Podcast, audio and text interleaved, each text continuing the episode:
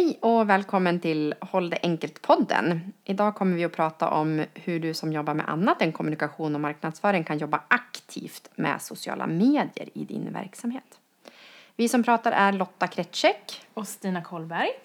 Och till vardags så finns vi på Naja Kommunikation.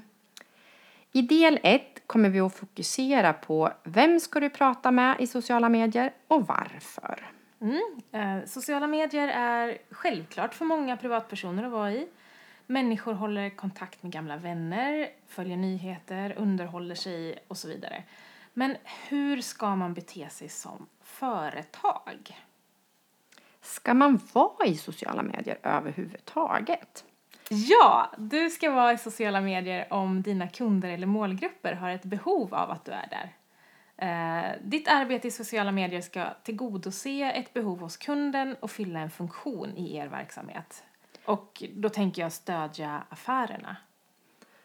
Och hittar man inte eh, svaret på frågan varför, eh, då det, riskerar man att dra igång ett arbete i sociala medier som eh, inte känns värdefullt, som känns eh, som man lägger tid på extra grejer Eh, och den tiden kan man ju som företagare i väldigt stor utsträckning lägga på mycket viktigare saker. Så att tänka igenom varför man ska göra eh, är ju jätteviktigt. Ja, det är superviktigt. Eh, sen får man komma ihåg att för att komma igång så krävs det ofta att man lägger lite extra tid. Det är inte meningen att det ska ta all den här extra tiden hela tiden när, man väl, när det väl rullar på. Men i början så tar det ofta lite extra tid. Och där är det ju bara du som företagare som kan avgöra om det faktiskt är värt insatsen. Lite praktiska tips, för det här kan du göra själv. Eh, fundera på och diskutera och skriv ner. Varför har ni ett behov att vara i sociala medier? Är det bara en press från omvärlden? Eh, är det för att alla andra gör det? Eh, fundera lite kring de, de frågorna. Varför vill ni vara där? Har, har kunden ett behov av att möta er i sociala medier? Eller är det, är det ni som har ett behov? Eh, vad behöver kunden av er? Eh, gissar ni deras behov eller vet ni faktiskt vissa saker som skulle vara väldigt enkelt för kunden om de kunde få tillgång till digitalt? Och svaren på de här frågorna, när man börjar få, få formulera svar kring de här frågorna, då hittar man grunden och kan börja bestämma mål för den varo, närvaro man vill ha. Och, och det kan vara lite olika. Vi, vi tänkte ta några exempel. Ja. Eh, om man till exempel driver ett café eller en restaurang eller butik så kan ett mål vara att kunden alltid ska kunna ta reda på eh, öppettider det är ju en av de vanligaste frågorna man ställer sig ofta. Eh, när, när är det öppet? Eh, man vill veta olika betalsätt. Eh, man vill ta reda på priser. Väldigt, eh, jag vill väldigt gärna veta vilken meny det är. Eh, lunchrestauranger till exempel. Det, om jag enkelt kan få reda på eh, vad jag får till lunch så bestämmer det ganska ofta vilken restaurang jag går på den dagen. Och så. Vad mer kan det vara? Om man eh, har en verksamhet till exempel som eh, massör eller sjukgymnast eller frisör eh, där det går ut på att kunden bokar en tid då kan man ju fundera kring det här med bokning digitalt. Ska fler, ett mål kan vara, ska fler befintliga kunder kunna boka tiden själv. Det här är ju en trend som vi ser väldigt mycket i stora bolag med självservice kring banker till exempel. Man flyttar över administrationen på, på kunden att utföra saker själv. Det kan man ju även göra i andra typer av verksamheter. Och sätt då upp ett mål kring hur många av de befintliga kunderna som ska boka digitalt så att det också avlastar administrationen för de som utför, eh, alltså de som klipper, de som masserar och de som har behandlingar av olika slag.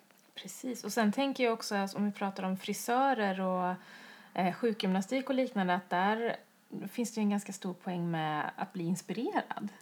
Alltså få bilder på före och efterbilder från frisören till exempel. Mm. Det här kan jag göra med mitt hår. Så här kan jag göra um, övningar, rehabövningar om vi pratar sjukgymnastik och så vidare.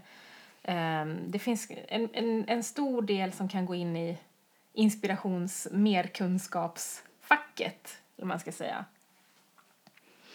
När du och ni har funderat kring frågan varför och börjat sätta ner mål, eh, formulera områden där ni kan sätta upp mål för varför ni ska ha närvaro på sociala medier.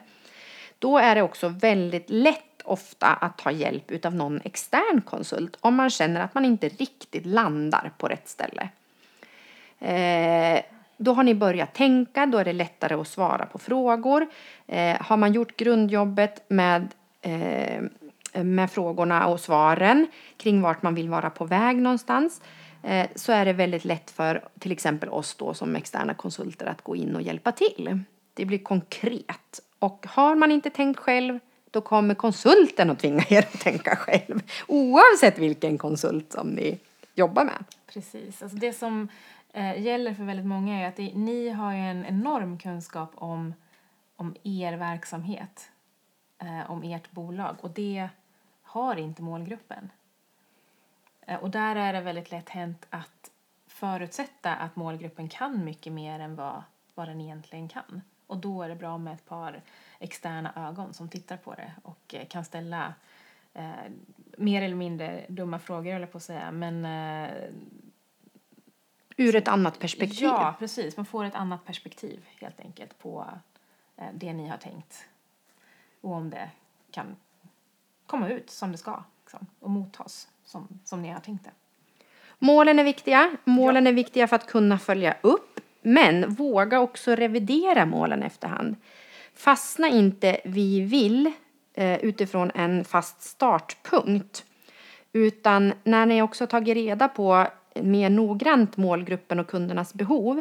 Eh, när ni har bestämt vilken kanal ni ska använda och vad ni ska göra och hur ofta ni har tid så gå tillbaka också och titta om det överensstämmer med de mål och varför eh, som ni är i sociala medier. För det kan också vara så att ni är på rätt väg och funderar på rätt saker.